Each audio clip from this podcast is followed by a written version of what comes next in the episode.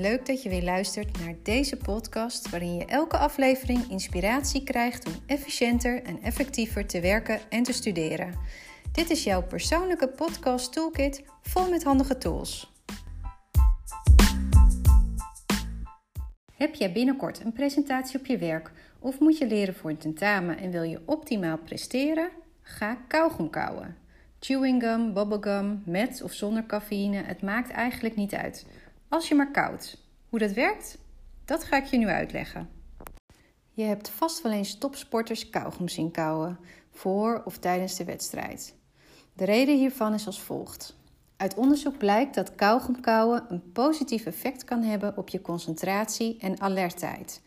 Daarnaast lijkt het een gunstig effect te hebben op de prestaties van je werkgeheugen. Is dit recentelijk ontdekt? Nee, eigenlijk niet.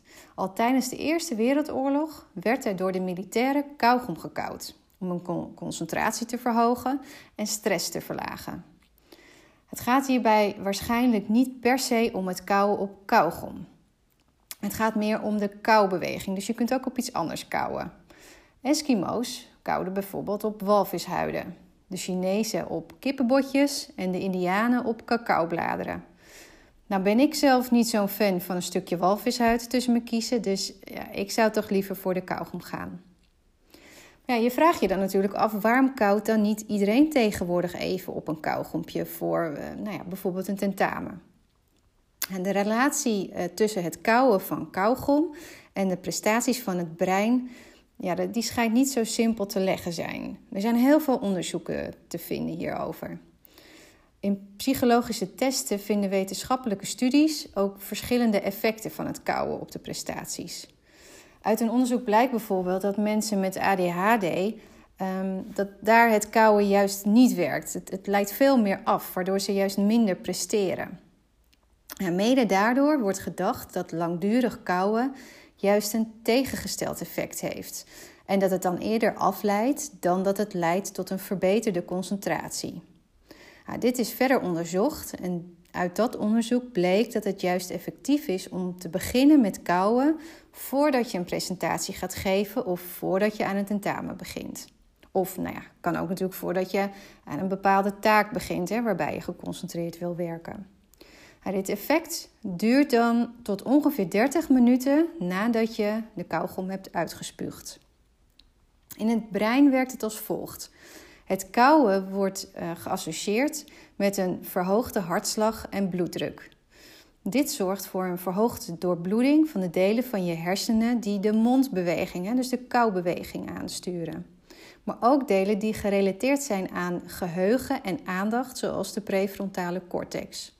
Door de verhoogde doorbloeding krijgt je brein meer zuurstof en verbetert dit dus op korte termijn je concentratievermogen.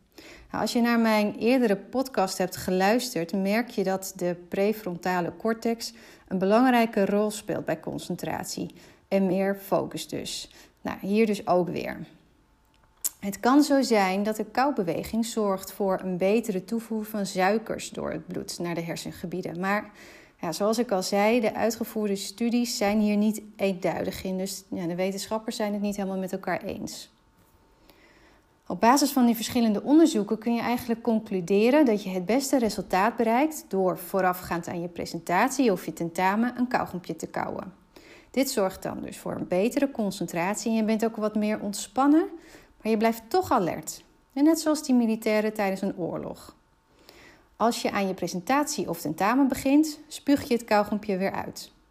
Sowieso fijn voor je toehoorders, want al kauwend een presentatie geven is vaak niet heel erg charmant. En daarnaast is het tijdens een tentamen ook prettiger voor je medestudenten als je geen kauwgom koudt, aangezien niet iedereen in staat blijkt om zonder smakgeluiden op een kauwgompje te kauwen. Nou, misschien ben je zelf dan wel geconcentreerder bezig, maar ja, de rest is dan wel aardig afgeleid en dat is niet heel erg aardig.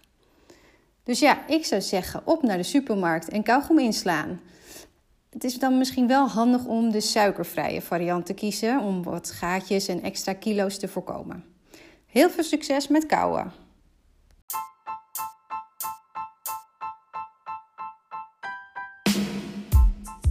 Dit was weer een tool voor jouw persoonlijke podcast toolkit. Dankjewel voor het luisteren. Vond je dit een nuttige podcast? Deel hem dan graag met anderen. Wil je meer tools?